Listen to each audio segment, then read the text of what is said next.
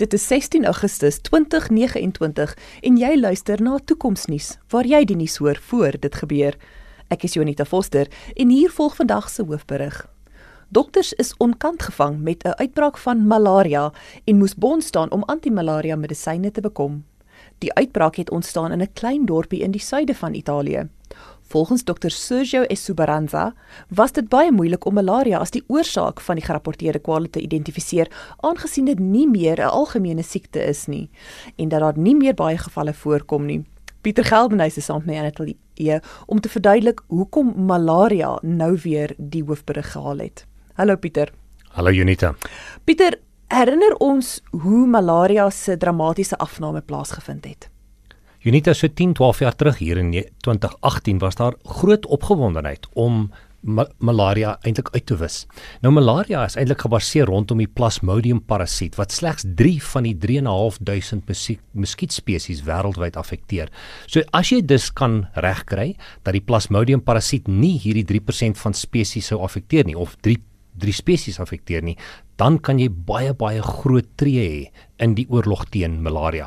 Nou in 2018 was daar omtrent 800 000 mense wat dood gegaan het elke jaar van malaria en hulle die skatting was dat jy dat daar tussen 180 na 220 miljoen mense rondom die wêreld is wat geaffekteer was deur malaria in 2018 en dit was omtrent 3% van die wêreld se samelewing.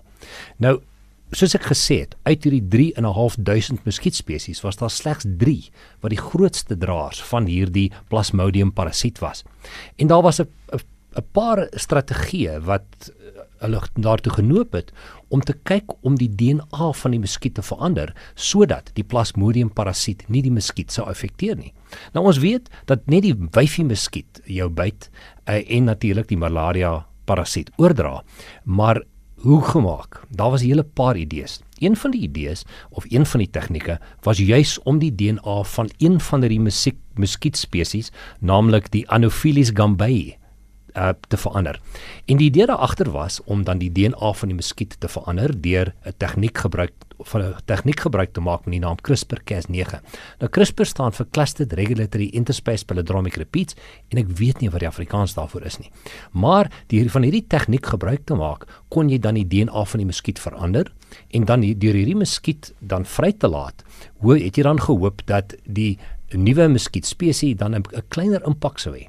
Die initiële toetse het gewys dat hierdie veranderde muskiet nie eintlik beter was om te oorleef in die omgewing nie en een van die probleme is dat die onvoorspelbare uitkomste van sekere veranderinge van DNA jy wil nie heeltemal rondspeel in 'n omgewing waar jy nie als verstaan nie.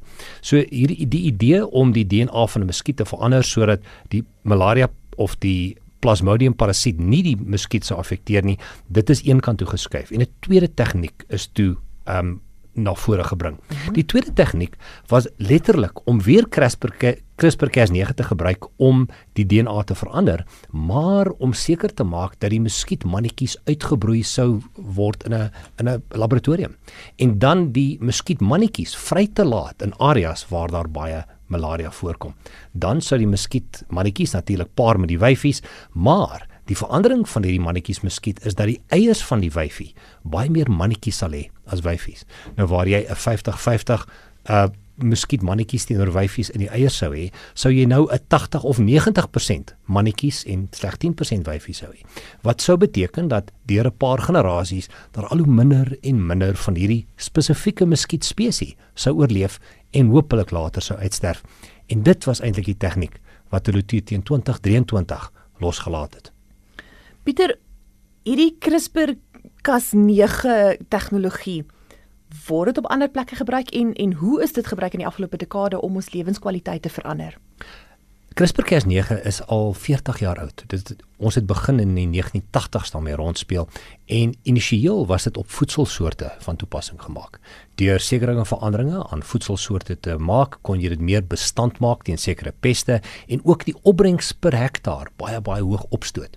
En met 'n groter wordende wêreldpopulasie het ons gesien dat hierdie CRISPR-Cas9 tegnieke dramaties toegeneem het ook omdat ons as mens soos ons meer word definitief meer voedsel nodig het en dat jy dus baie meer opbrengs per hektaar nodig het. So CRISPR-Cas9 is met ons en is 'n kritiese deel van ons oorlewing as die mens hier op planeet Aarde. Baie dankie Pieter. Navorsers is tans besig om te ondersoek hoe die malaria-uitbraak gebeur het. Die uitbraak het egter nog nie versprei nie en aangesien malaria nie maklik oordraagbaar is van mens tot mens nie, is owerhede nie hoogs bekommerd nie.